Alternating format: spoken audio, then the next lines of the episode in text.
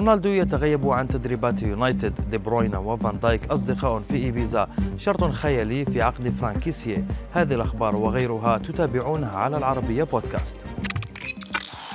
يبدو أن كريستيانو رونالدو يقترب من تكرار سيناريو الصيف الماضي بعد تغيبه عن أول حصة تدريبية لمانشستر يونايتد وذلك لأسباب عائلية بحسب تقارير إعلامية إنجليزية.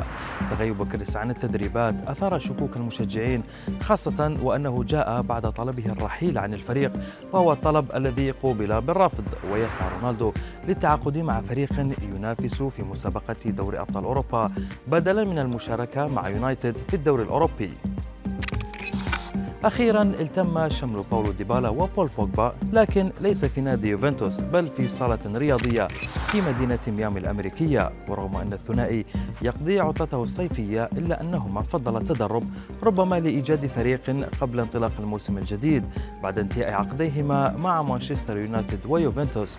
وترجح التقارير اقتراب النجم الفرنسي من العودة إلى النادي الإيطالي بينما يملك ديبالا عروضا من أندية بارزة في الدوري الإنجليزي. وفي جزيرة إيبيزا الإسبانية التي أصبحت وجهة لنجوم كرة القدم في الصيف الحالي.